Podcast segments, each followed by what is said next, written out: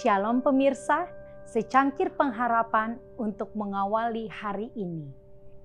Dia mengenakan jubah kebenarannya kepadaku.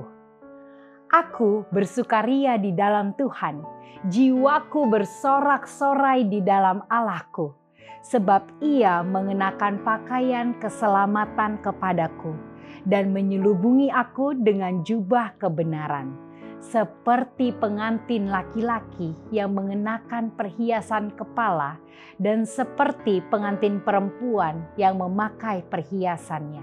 Yesaya 61 ayat 10. Dengan menggunakan pakaian pesta menggambarkan tabiat yang suci, tidak bercacat celah yang akan dimiliki pengikut Kristus yang sejati. Kepada jemaat diberikan kain lenan halus yang berkilau-kilauan dan yang putih bersih, tanpa cacat atau kerut atau yang serupa itu. Kain lenan yang halus, kitab suci berkata, adalah perbuatan-perbuatan yang benar dari orang-orang kudus, yakni kebenaran Kristus, tabiatnya sendiri yang tidak bercacat celah, yang melalui iman diberikan kepada semua orang yang menerima Dia sebagai Juru Selamat pribadi mereka.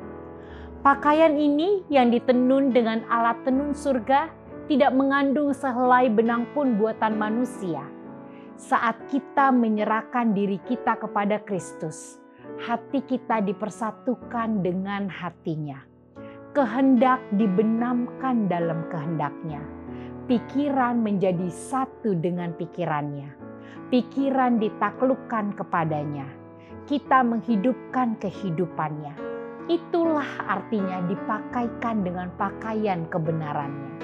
Seri Membina Jilid 5 halaman 238 sampai 240. Demikianlah renungan kita hari ini.